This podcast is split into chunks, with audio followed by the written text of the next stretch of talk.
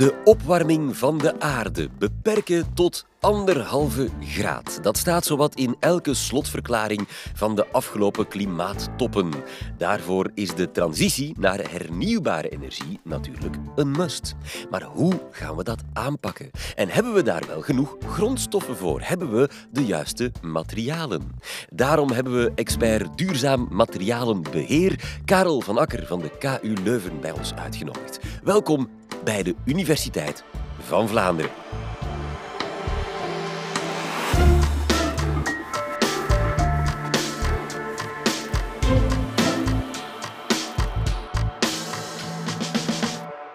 Professor Van Akker van de KU Leuven, uh, welkom. Circulaire economie, dat is uw, uw vakgebied. Hoe is dat uw passie geworden? Hoe is dat in uw leven gekomen? Goed, ik ben eigenlijk materiaalkundig ingenieur die dus nieuwe materialen ontwikkelt, nieuwe processen ontwikkelt. Maar gaandeweg ben ik mij meer en meer gaan interesseren wat nu eigenlijk het effect is van die materialen op het milieu. En dus zijn we methodes gaan ontwikkelen om de milieu-impact van die materialen te gaan meten. En dat is altijd maar verder ontwikkeld. En zo ben ik dus bij het grotere domein van de circulaire economie gekomen en meer bepaald hoe kunnen we dan meten dat we vooruit gaan naar de circulaire economie en wat kunnen we ook doen om die circulaire economie te bevorderen? Want meten is weten, hebben wij allemaal van onze leerkracht fysica geleerd. Um, dan naar het, het hete hangijzer van vandaag, want uw vakgebied is natuurlijk relevanter dan ooit. Om die transitie naar hernieuwbare energie te kunnen maken, moeten we batterijen bouwen, windmolens, zonnepanelen, elektrische auto's, enzovoort en zo verder. En we vragen ons allemaal af, waar gaan we die grondstoffen vandaan halen? Weet u dat? Wel, Eerst en vooral, je hebt voor al die producten heel wat verschillende materialen nodig. En soms ook nogal exotische materialen. Voor batterijen heb je bijvoorbeeld lithium nodig, kobalt, nikkel. Voor zonnepanelen heb je koper nodig, maar ook een beetje zilver, aluminium, silicium enzovoort. Dus het zijn heel veel verschillende materialen. Van waar halen we die dan? Wel, al die metalen komen eigenlijk uit ertsen. Die zitten geconcentreerd in ertsen en helaas, die ertsen zijn niet overal evenveel aanwezig. Vandaag de dag halen we eigenlijk heel wat van onze ertsen uit het verre buitenland. Bijvoorbeeld zeldzame aardmetalen. Dat hebben we hard nodig voor de elektromotoren, voor de elektrische auto's of ook voor de windmolens. Die zeldzame aardmetalen die komen grotendeels van China. We zijn dus echt heel afhankelijk van China om die te uh, maken en te importeren. Een ander voorbeeld is kobalt.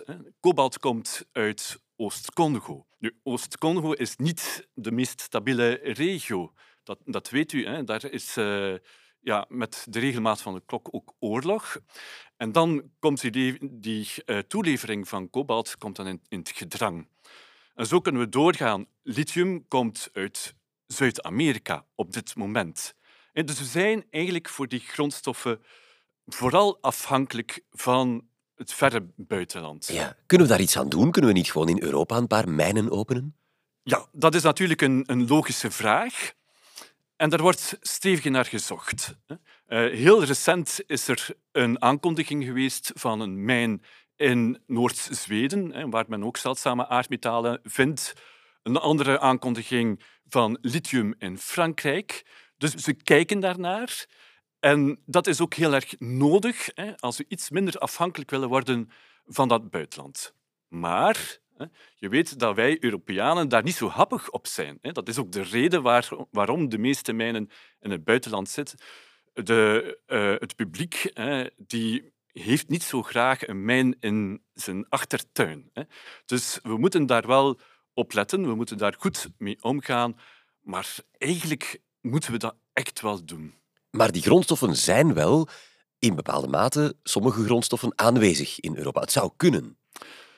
Het zou kunnen. We hebben wat voorraden, maar we moeten ook eerlijk zijn. Voor een aantal andere grondstoffen zullen we blijven afhankelijk zijn van het buitenland. Uh, dat, dat, dat blijft zeker zo. Zijn er voorbeelden van, van mijnen waar we toch in Europa die zeldzame materialen vinden? Ik ken er geen enkele. Dus zoals gezegd, um, voor zeldzame aardmetalen bijvoorbeeld zijn er geen mijnen in Europa op dit moment. Maar die kunnen er komen. Hè. Bijvoorbeeld in Zweden kan die er komen. Maar ik moet daar toch bij zeggen dat dat uh, niet zo eenvoudig is. Hè. Dat, gaat, dat gaat een hele tijd duren.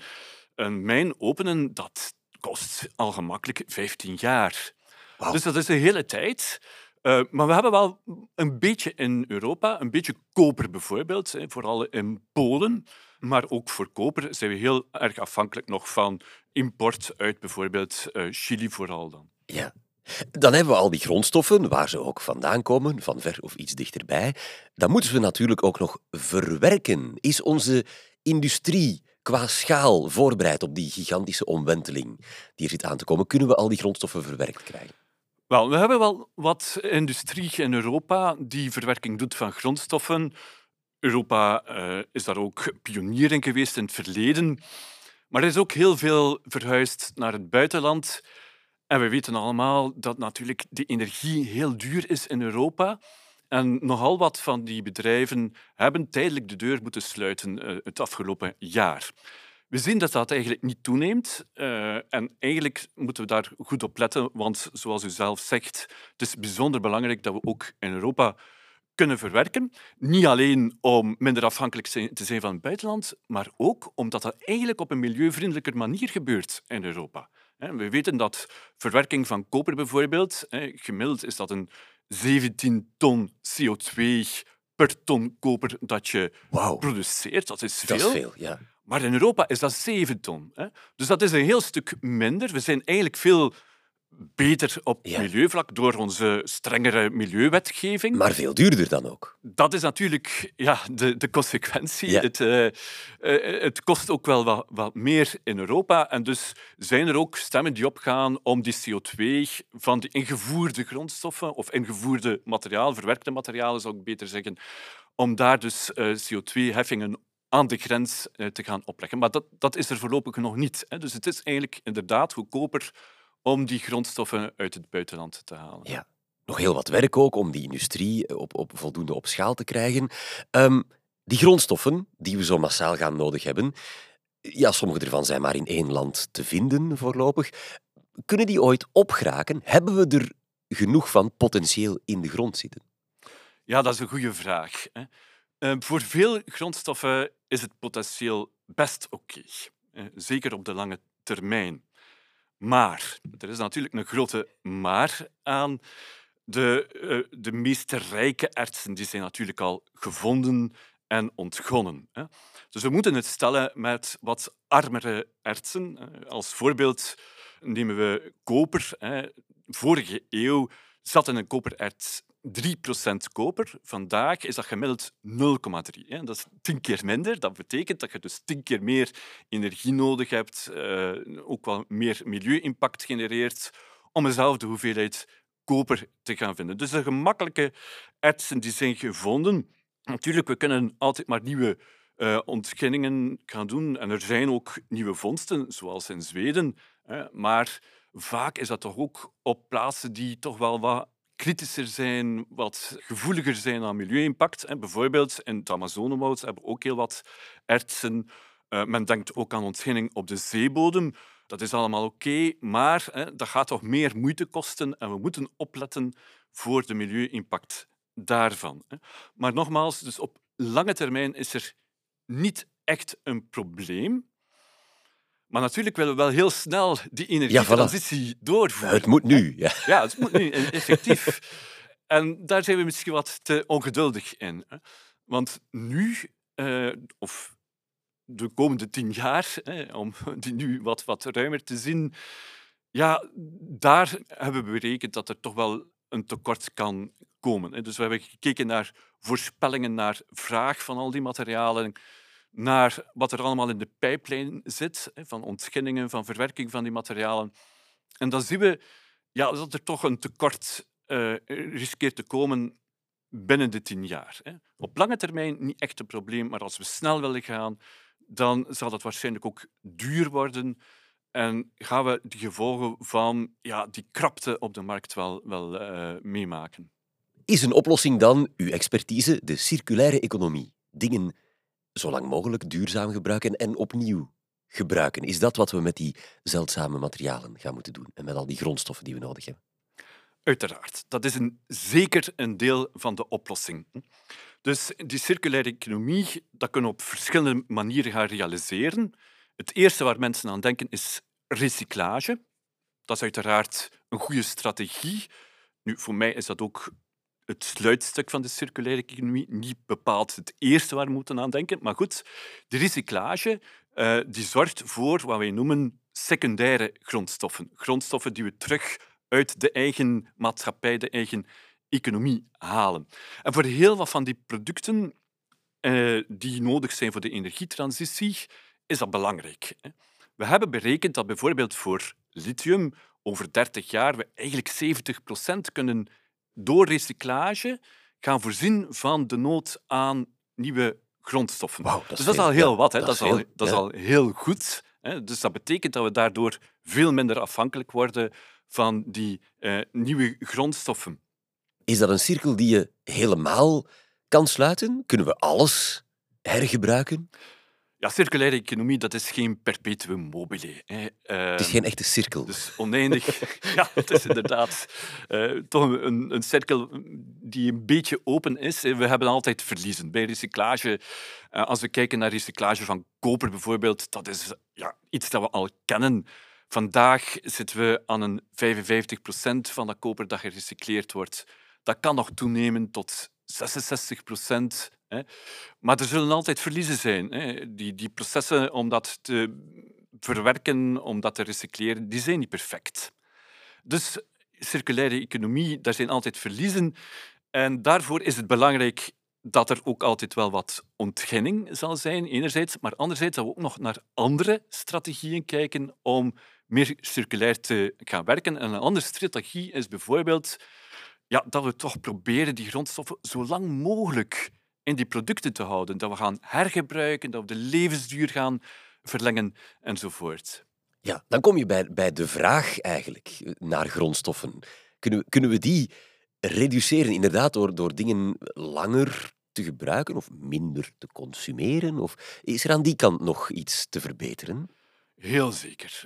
We weten dat producten niet lang genoeg gebruikt worden. Er is nog veel capaciteit om levensduur te verlengen. Maar natuurlijk, ja, als je levensduur gaat verlengen, dan stel je die recyclage ook voor een stuk uit. Hè. Dus uh, je moet eerst een volume aan producten hebben. En als we een transitie hebben naar nieuwe producten, naar zonnepanelen, windmolens, naar uh, auto's met uh, batterijen, ja, dan moeten we daar eerst een grote voorraad van hebben hè, en die een tijd gebruiken vooraleer dat we gaan recycleren. Dus we zitten nu in de fase dat we dus al die nieuwe producten moeten maken. Hè, en eigenlijk hebben we nog weinig uh, secundaire grondstoffen daarvoor, nog weinig recyclaten die we kunnen gebruiken. Dus we moeten wat, wat geduld hebben. Is heel belangrijk naar de toekomst toe naar de toekomst toe willen we dat producten lang meegaan en dat we dus, als ze dan toch afgedankt worden op den duur, dat we die materialen kunnen hergebruiken. We hebben dat bekeken bijvoorbeeld voor auto's, voor het wagenpark in Vlaanderen. En dan zien we dat dat perfect mogelijk is, dat dat een groot effect heeft als we langer met die auto's rijden, als we ook aan autodelen doen en dergelijke meer. Um, maar dat effect gaan we pas zien over 10, 15, 20 jaar. Delen, helpt dat? Deelsystemen van auto's bijvoorbeeld, om de vraag naar grondstoffen te reduceren? Ja, absoluut. Dat is evident. Als, als je met twee gezinnen één auto hebt, ja, dan, dan vermijd je een andere auto. En je zou kunnen denken dat dat een auto sneller verslijt, maar uiteindelijk zijn die robuust. Hè, en die gaan toch een serieus aantal kilometers mee. Die kunnen gerust door twee, drie, vier uh, gezinnen gebruikt worden. Hm? Hoe zie jij dan de middellange en langere termijn? Je zei daar straks, we moeten misschien een beetje geduld hebben met die grote omschakeling uh, naar duurzame energie. Je hoort politici spreken over 2030, 2050. Is dat haalbaar vanuit jouw perspectief bekeken? Wel, 2050 is haalbaar. En dus dat is uh, nog een hele tijd. Tegen dan moeten we natuurlijk die recyclagesystemen allemaal eh, goed ontwikkeld hebben, tegen dan zullen er ook al voldoende afgedankte producten naar die recyclagefabrieken komen. Dan moeten we ook ja, die circulaire economie eh, ja, toch wel zo ver mogelijk doorgevoerd hebben. Gaan we naar die nieuwe businessmodellen waar we gaan delen enzovoort. Dus 2050 is zeker haalbaar. Kortere termijn is wat moeilijker. Hè. Dus daar gaan we wat krapper zitten. Dat zie je bijvoorbeeld aan de markt van, van de elektrische auto's. Het duurt ook lang tegen dat je zo'n auto, ja, als je die koopt, voordat je die krijgt. Dat is daar al een, een teken dat dat eh, krap zit. Dus op korte termijn wordt het wat moeilijker. En denk ik persoonlijk ja, dat we moeten investeren, want we moeten dat sowieso doen. Maar die investering, ja, dat, dat zal wel wat kosten.